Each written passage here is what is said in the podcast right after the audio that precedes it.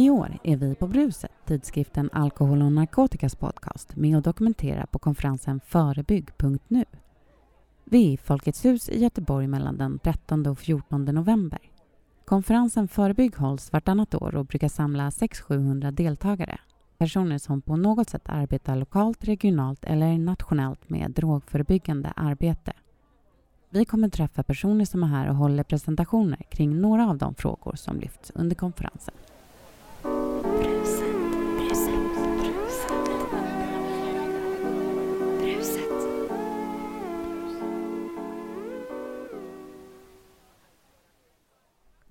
Säger jag välkommen hit till Brusets rum på Förebygg, Håkan Leifman. Tack så mycket. Kul att vara här. Du är vår tidigare direktör på CAN. Du slutade för lite mindre än ett år sedan. Ja, det stämmer ju. Ehm, Vad gör du idag? Allt möjligt. Jag jobbar ju som expert kan man säga på alla möjliga frågor. En fråga som vi pratar om här idag är ju detta skriver tillsammans med andra en skugg-ANDT-strategi, alltså en slags strategi som handlar om hur vi ska jobba med alkohol, narkotika, dopning, tobak och spel. Som vi tycker, alltså den här, så som vi skriver, det skulle, kunna, det skulle regeringen som kunna liksom titta på och kanske ta och kopiera vissa delar. En så kallad skugg. Som en skuggbudget, fast en skugg-ANDT-strategi. Annars gör jag allt möjligt annars. Jag jobbar mycket med prevention jobbar jag med, eh, med islänningar i en modell som heter Planet Use. Som är en preventionsmodell i lokalsamhället som sprids och jobb, alltså vi jobbar runt om hela världen egentligen i olika kommuner. Jättekul. Hälsofrämjande insatser och förebyggande. Och få träffa liksom folk runt om Sydamerika. Bogotá var jag senast i. Chile, träffa presidenten innan det här hände, som är nu. Så säger han på ett möte, nu ska alla kommuner i hela Chile jobba med de här modellerna. Alltså det är otroligt kul. Sen jobbar på Ipsos, som är ett av världens största företag när det gäller opinionsmätningar. Du gör mycket. Ja, Men vi går tillbaka till, mm. till det seminariet som du är här och håller idag på Förebygg. Skuggstrategin, som du började berätta om. Och förutom dig då, vilka är ni som är med och skriver skuggstrategin? Det är en representant från IGT, eh, en från Tobaksfakta från ideella sektorn, ehm, en som nu jobbar i Göteborgs kommun, Linda Nilsson, Per Leima var från IGT, Göran Boetius från Tobaksfakta. Hon har också förflutit RNS. Och sen är det då Marie Montin som har jobbat med länssamordning i många år och jobbar nu på, på CAN. Och sen är det Gunvar Brännström som tidigare jobbat på Alkoholkommittén och samordnat mycket. Och sen jag. Så det är experter och ideella organisationer. Och sen försöker vi då få med oss många andra. Och då hade vi ett, en workshop i måndags för två dagar sedan där det kom ungefär 30 stycken olika. Det är alla möjliga typer av ideella organisationer. Många som jobbar ju med folkhälsofrågor och inte minst alkoholfrågor, narkotika. Ehm, så att ehm, MHF exempelvis var där, Föräldraföreningen mot narkotika, men en, en mängd olika. Men vi vill inte bara ha liksom drog, de som jobbar konkret med droger, utan många andra. Så det blir väl en brett... Vi, vi vänder oss brett till alla möjliga eh, frivilligorganisationer. Du satt ju också med och formulerade den allra första nationella ANDT-strategin som vi hade i Sverige. När var det? Ja, jag var inte med och formulerade. Jag var, med, var med lite grann. Jag var med framförallt och tog fram indikatorer, hur man ska följa upp och mäta. Men då måste man ju liksom, då, då vill vi ju mäta insatser. Och den var från 2011 till 2015. Och det var en strategi och mål och målområden och, och, och eh, konkreta förslag som vi tyckte var väldigt positiva, eller väldigt bra. Så till viss del så är den här, våra förslag, eh, inte en kopia, men vi tittar ganska mycket på hur den såg ut som vi tyckte var bättre då än, än den som är nu, som är från 2016 till 2020. Men jag sa det på seminariet, är, man ska inte bara bli nostalgisk och titta bakåt. Allt var inte bättre förr. Alltså framtiden kanske var bättre förr, men allt var inte bättre förr. Så att eh, lära och, och sen det där att man vi byggde upp så mycket under den tiden och även före. Jag jobbade på, på mobilisering mot narkotika ju förut på början på 00-talet och tillsammans med Alkoholkommittén. Och man byggde upp jättemycket insatser, gjorde mycket satsade medel, utvecklingspengar, utvecklade metoder, byggde upp strukturer. Och sen är det ingen som tar hand om det. det vi har satsat hundratals miljoner under många år. Och så börjar man om från början. Liksom, det känns som att, att vi är nästan i ett väg, vägskäl nu på något sätt. Om, om ingenting, om det fortsätter nu att gå lite åt, åt det negativa hållet som det gör nu. Det vill satsa mindre medel. Budgeten är neddragen för våra frågor. Jag ser på de här, um, hur kommunerna har jobbat. Det är färre som jobbar som drogsamordnare. Tiden man lägger ner har minskat. Skulle det fortsätta att ta riktig fart, som det kan göra snart, då har den här satsningen som, gjorde, som gjordes de sista 15-20 åren, det kommer att försvinna fort. Det tar tid att bygga upp bra strukturer och bra innehåll, liksom, men det går ganska fort tror jag, att rasera. Och det är slöseri, slöseri med skattepengar. Tror du, för nu har man ju sagt att man kommer ta fram en ny strategi som följer den här, men eh, hur ser du på det? Ja, det är positivt. Det var ju Stefan Löfven som hade något intervju i DN i somras ju, som pratade mycket om narkotika och det kopplade ihop det med den här gängkriminaliteten. Då, att det hänger ihop på något sätt. Och det gör det ju såklart. Det finns ju mycket handel. Och han kopplar också till brukarna. Det finns en, det finns en marknad, köpare och, och säljare. Och inom ramen för det ska man då bygga upp och ta fram en ny ANDTS, tror jag. S tror jag tillkommer om spel. Så det är väl bra. Jag kan ju förstå att man har fokus. Man måste alltid ha vissa fokusområden och det är väl naturligt kanske att ha det på narkotika. Bara man inte glömmer bort att det finns andra substanser också och att det hänger ihop. Alkohol är fortfarande den största, största drogen. Men det är positivt. I, I våras när vi började med att skriva och formera våra tankar och idéer, då visste vi ju inte om, om det skulle bli en ny ANDT-strategi. Men nu har vi träffat dem på departementet eh, som ska skriva och eh, de kommer ju sätta fart ordentligt tror jag efter, eh, efter, alltså i början på nästa år. Tror du det har bidragit att ni satte igång och skriva en skuggstrategi? Tror du det har varit en bidragande faktor till att man sen sa att det kommer att komma en ny strategi? Skulle jag vilja säga ja, men jag tror faktiskt inte det. Utan jag menar, det, det, har väl varit många i sig som har sagt till olika representanter för regeringen att det är viktigt att man håller i och jobbar med frågorna. Så, och då är det viktigt, jag tror ju på policy, styrdokument. Har man inte det från nationell nivå, då blir det också svagare på regional nivå och lokal. Så att sammantaget alla som har sagt det här, hur, att håll i, fortsätt och kanske vidareutveckla och satsa mer pengar, det kan, det kan ha bidragit. Men sen tror jag också att just det här med narkotikan kanske har gjort sitt. Eh, och det som han sa då så tydligt, Stefan Löfven. Sen målade han upp då Danderyd och sådär. Det kanske var lite olyckligt att man väljer att namnge olika kommuner sådär. Men eh, ja, det är bra. Det är, väl, det är positivt att man tycker jag fortsätter med eh, en strategi. Och att de kommer bjuda in. De har ju sagt att de ska ha remissrunder och hearingar och sådär. Så att de kommer bjuda in många olika aktörer till, säkert CAN, det är jag helt säker på, och andra. Och då är det viktigt tror jag att all, många liksom ger, säger vad man tycker nu. Det här det man är neddragning med, tror jag, med 50 procent på medel bara på några år. Och de som jobbar med ANDTS i kommunen, jag tittade på det igår senast, 2017, de lägger ner i snitt, de som, de som har en drogsamordnare, de jobbar 40 procent i snitt med de här frågorna. 40 procent. Och det ska delas på fem, kanske fem eller fyra bokstäver. Det blir tre timmar per substans kanske då, om man delar, delar det rakt, rakt ner. Liksom. Om, man har, om, man, om man har lika mycket fokus på varje. Så det är ju ehm, eh, viktigt att man liksom lyfter det tycker jag, prioriteringar. Sen är det ju så att eh, jag tog upp det idag också. Det är, ju an, det är så många andra frågor som har fokus just nu. Det är det enda vi pratar om nu. Och det är ju viktiga frågor. Brott och straff, gängkriminalitet, försvaret, kontrollsamhällets återkomst på något sätt. Mycket resurser som går till mycket, mycket annat. Och, och det görs jättemånga insatser och utredningar och styr, regeringsuppdrag och annat vad gäller folkhälsa. Jag hade en liten bild på det. Det är hur mycket som helst som pågår olika aspekter av folkhälsa, jämlikhet, folkhälsa. Där har ju också alkoholen en roll och ANDTS. Det gäller att få ihop det där. Man satsar mycket mer på utredningar på det området, brett, men mindre på det specifika, tror jag, ANDTS. Så att det där är jätteviktigt att få ihop det breda folkhälsoarbetet med det mer specifika ANDTS-arbetet.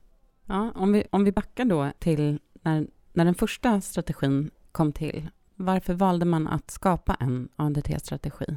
Nej, men det är väl vikten av att, um, att visa från nationell nivå hur man tycker att det ska styras. Det fanns ju handlingsplaner förut, så det är, strategin var den första 2011, men innan dess så fanns ju handlingsplaner. Först per substans, och sen var det väl alkohol och narkotika ihop, och sen blev det alkohol, narkotika, tobak och dopning som olika substanser. Det tycker jag är rimligt. Jag kan i och för sig tycka att det får för stor plats, eh, dopning. Men eh, att man har strategier och visar från nationell nivå vad som är önskvärt, det, är ju, det behövs. Från högsta nivån. Och sen, som så förtjänstfullt gjordes med den förra strategin, så hade man handlingsplaner också kopplade till strategin.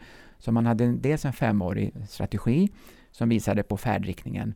Så kopplade man på ettåriga handlingsplaner och visade att det här är just för 2012, det här är just för 2013. Och det var en väldigt tydlig struktur som byggdes upp. Där var jag med och hjälpte med strukturen eh, i den tidigare strategin som också underlättade för länssamordnarna och för drogsamordnare i kommunen att implementera. Den här strukturen sitter ju fortfarande kvar i folks medvetande ibland, de här sju målområdena. Och det tror jag är jätteviktigt, att man vet vad som förväntas, vad som är, hur, eh, hur man önskar att arbetet ska utvecklas. Och sånt finns ju inte idag. Det finns ju ingen handlingsplan. Det är liksom lite, eh, allting är upp i luften och man gör på lite, lite olika sätt. Nu är vi inne på det. Vad har ANDT-strategin betytt? Har den haft någon betydelse? Och har det sett olika ut under de olika perioderna? Ja, jag tror att den har haft betydelse. Dels har den stärkt upp strukturerna ordentligt. Länssamordningen, samordningen ner till kommuner, allt det där har ju blivit, blev ju mycket, mycket bättre. Det började redan innan strategin, det började redan på 20, eller 00-talets första år med alkoholkommittén och mobilisering mot narkotika. Och sen finns ju faktiskt studier. Tony Nilssons avhandling visar ju på att det åtminstone finns mycket som talar för att de här insatserna, strukturuppbyggnaden, har haft någon form av effekt också på eh, kanske konsumtion och skador. De kommuner som jobbar mera, som har en bättre struktur, organisation och sådär, de gör också mer av insatser. Och insatsen i sin tur kan påverka eh, problemens omfattning. Så jag ska säga att det har, att det har varit väldigt viktigt. Sen är det svårt att säga exakt hur mycket. Det finns ju många andra faktorer som påverkar. Och det här är, det är därför jag, vi är bekymrade. Jag är bekymrad. Jag tycker det skulle vara så otroligt synd om det som har byggts upp inte vårdas och tas om hand. Liksom. För det går fort att svänga tillbaka. Nu tror jag att många drogsamordnare inte bara jobbar med ANDTS. De jobbar också med integration, jämställdhet, brottsprevention, alla möjliga frågor. Och det blir liksom det blir en trängsel av olika perspektiv på en och samma person. Man talar om perspektivträngsel. Så att um, det går inte att få in allt för mycket. Man ska samverka såklart mellan olika områden. Men man måste också vara specifik i ANDT liksom, och kanske S också. Vad skulle du säga när ni jobbar med skuggstrategin? Vad skulle du säga är det viktigaste med ert arbete, det viktigaste målet eller det viktigaste som helhet med att ni tar fram den här skuggstrategin? Jag tror att det allra viktigaste är egentligen inte kanske konkret allt innehåll utan att det formeras många som ställer sig bakom en strategi från civilsamhället och experter. Vi kanske blir 50-tal, kanske 100 sammantaget, jag vet inte riktigt, som visar att det här tycker vi är så viktiga, viktiga frågor. Så vi måste ta dem på allvar och driva på. Liksom. Det tror jag sänder en tydlig signal till, till beslutsfattare. Det tror jag är allra viktigaste. Och inom ramen för det som, som jag sa flera gånger idag, man kan tala om nya insatser. Det är inga, det är inga nya insatser. Det är, det är att utveckla pågående insatser, göra det lite bättre. Och igen, vårda det som vi har. Glöm inte bort det vi har. Föräldrastöd. Det satsades hundratals miljoner för några år sedan att utveckla olika former av föräldrastöd. Inte bara för alkohol och narkotika, utan föräldrastöd i största allmänhet. Var finns de idag? Var finns de metoderna? Ingen vet. De ligger någonstans och skräpar metodutveckling i största allmänhet. Vem tar hand om krogar mot knark? Vem tar hand om den metoden och den? Pengar som har satsats många, många år. Men det finns ingen som håller ihop det liksom. Och då, då blir det lätt så att det försvinner bort. Och sen om fem, tio år, ja, då får man igen börja utveckla från början. Hur ska man göra för att bryta den här utvecklingen? Ja, man får väl fortsätta att behålla de här strukturerna och mån, vårda det. Liksom. Ehm, och det kostar en del pengar. Vi tycker att man skulle ha åtminstone samma budget framåt som man har haft för några år sedan. Nu har man ju mer än halverat budgeten eh, för AND, ANDT-frågor. Vilket ju säger sig själv att då blir det ju svårt. Liksom. Men som ett exempel, jag jobbar på Mobilisering mot narkotika och mycket tillsammans med Alkoholkommittén på 00-talets första år fram till 2007, 2006. De gjorde jättemycket bra. Och många, många metoder utvecklades, mycket stöd till regioner, till kommuner. Sen försvann de bort. Det var tillfälliga organisationer under regeringskansliet. Så skulle det gå in, det som de har tagit fram, in i linjeverksamheten till Folkhälsomyndigheten och Socialstyrelsen. Vad hände med det? Nästan ingenting togs om hand. Nya personer, börja från början. Kanske en halv miljard som, förs som försvann på något sätt. Det är onödigt, kostar pengar. Och inte minst, och allra viktigast, det är ju insatser som faktiskt är viktiga liksom, i sig. Varför tror du att det blir så? Då? Varför tror du att man växlar ner så? Det har man gjort förut också, på alkoholområdet inte minst, och narkotika. 80-talet var det ganska mycket insatser eh, och nivåerna sjönk. Sen kom krisen på 90-talet. Andra frågor trängde undan. Det var låga nivåer. Man tyckte att andra frågor var viktiga. Så det, väl, det, det, kan vara en, en sån eh, orsak. Men att nivåerna just nu är låga vad gäller framförallt unga och alkoholdrickandet, det är inte något skäl egentligen att dra ner. Man måste väl fortsätta liksom att jobba, det, för det går upp och ner annars.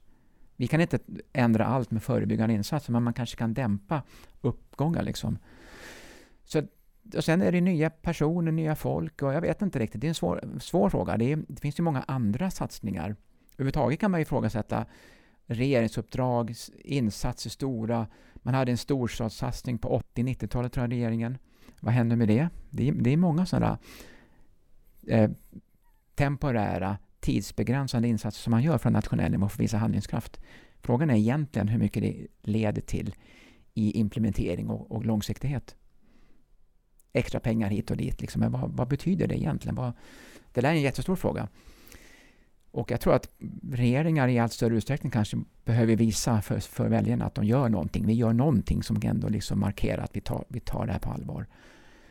Och det är inte lika kanske lika eh, markerande att visa att man sätter in pengar löpande på någonting utan att man, om man gör någonting eget särskilt utanför, ex, utanför det vanliga så får du mera, eh, mera eh, det blir mer synligt helt enkelt.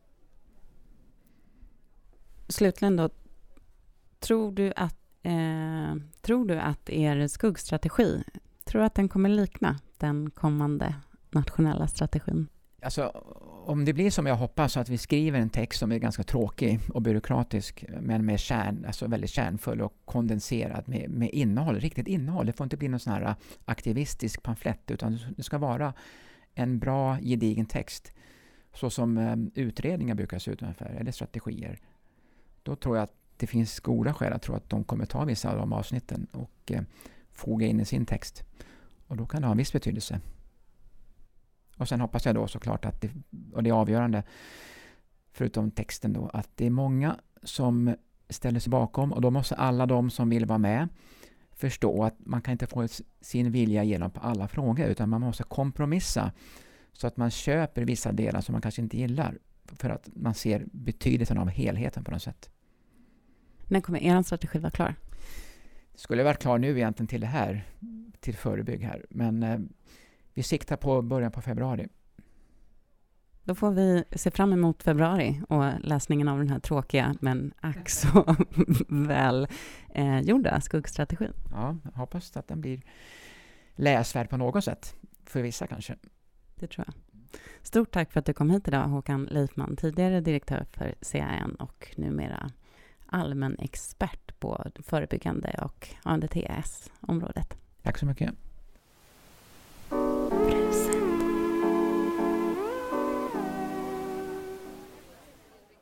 Jag som producerar avsnitten av Bruset på förebygg heter Clara Henriksson.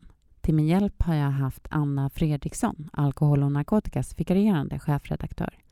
Mer dokumentation från Förebygg finns i form av webbsändningar och artiklar i konferenstidningen.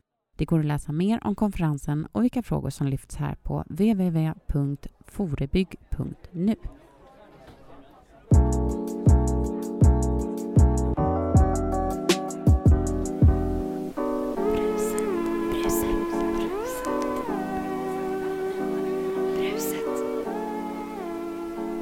bruset.